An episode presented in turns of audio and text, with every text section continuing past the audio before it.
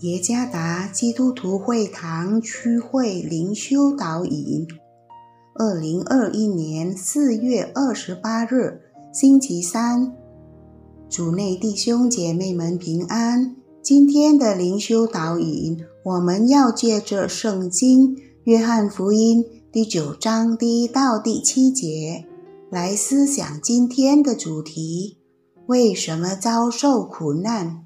作者。如来发传道，约翰福音第九章第一到第七节。耶稣过去的时候，看见一个人生来是瞎眼的。门徒问耶稣说：“拉比，这人生来是瞎眼的，是谁犯了罪？是这人呢？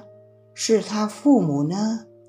耶稣回答说：“也不是这人犯了罪。”也不是他父母犯了罪，是要在他身上显出神的作为来。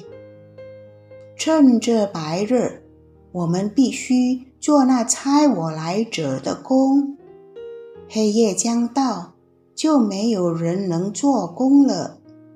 我在世上的时候，是世上的光。耶稣说了这话，就吐唾沫在地上。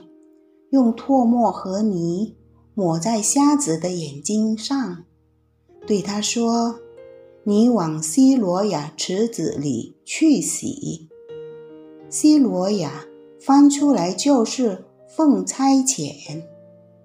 他去一洗，回头就看见了。牛顿学校在二零一二年十二月枪击事件发生几天后。莫林道德 （Maureen Dowd） 于十二月二十五日在《纽约时报》上发表了题为“神啊，为什么”的标题。当那事件发生时，上帝在哪里？也许在这艰难困苦的生活中，我们也经常发问：“神啊，为什么？”然后。我们试图寻找为什么发生苦难的答案。当耶稣与一群人见到一个从出生就失明的人时，门徒问耶稣说：“这人生来是瞎眼的，是谁犯了罪？是他个人呢，还是他父母呢？”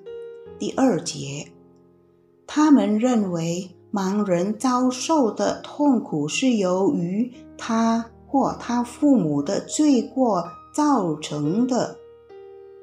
他们就像在寻找问题的发生或遭受苦难的替罪羊。谁该为这种痛苦负责？是他个人还是他父母？也许，如果再继续追问下去，门徒们可能会责怪上帝，使这个人从出生起就失明了。为什么某个人，甚至是上帝的好子民，会遭受苦难？没有确切的答案，但是耶稣明智地回答了这个问题。耶稣说：“是要在他身上显出神的作为。”第三节，耶稣没有寻找谁是错的，而是将问题视为成就上帝工作的机会。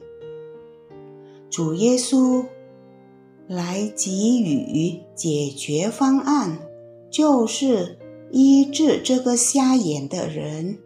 第六到第七节，我们为什么遭受苦难？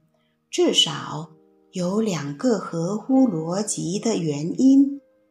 第一点，因为我们自己所犯的罪过，过去我们犯了错误，从这苦难中被释放的方法就是悔改。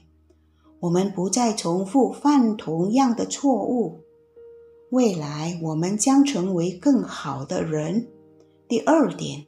因为我们活在一个被罪恶破坏的世界中，因此无论何人都会经历痛苦。不要责怪任何人。那我们该怎么办呢？我们必须与自己和好，并接受生活中的艰难现实。但是我们相信上帝不会让我们受苦。他制定了一个比我们想象的要好得多的计划，让时间来解答吧。为跟随基督而遭受的苦难，一定会彰显上帝的荣耀。主耶稣赐福。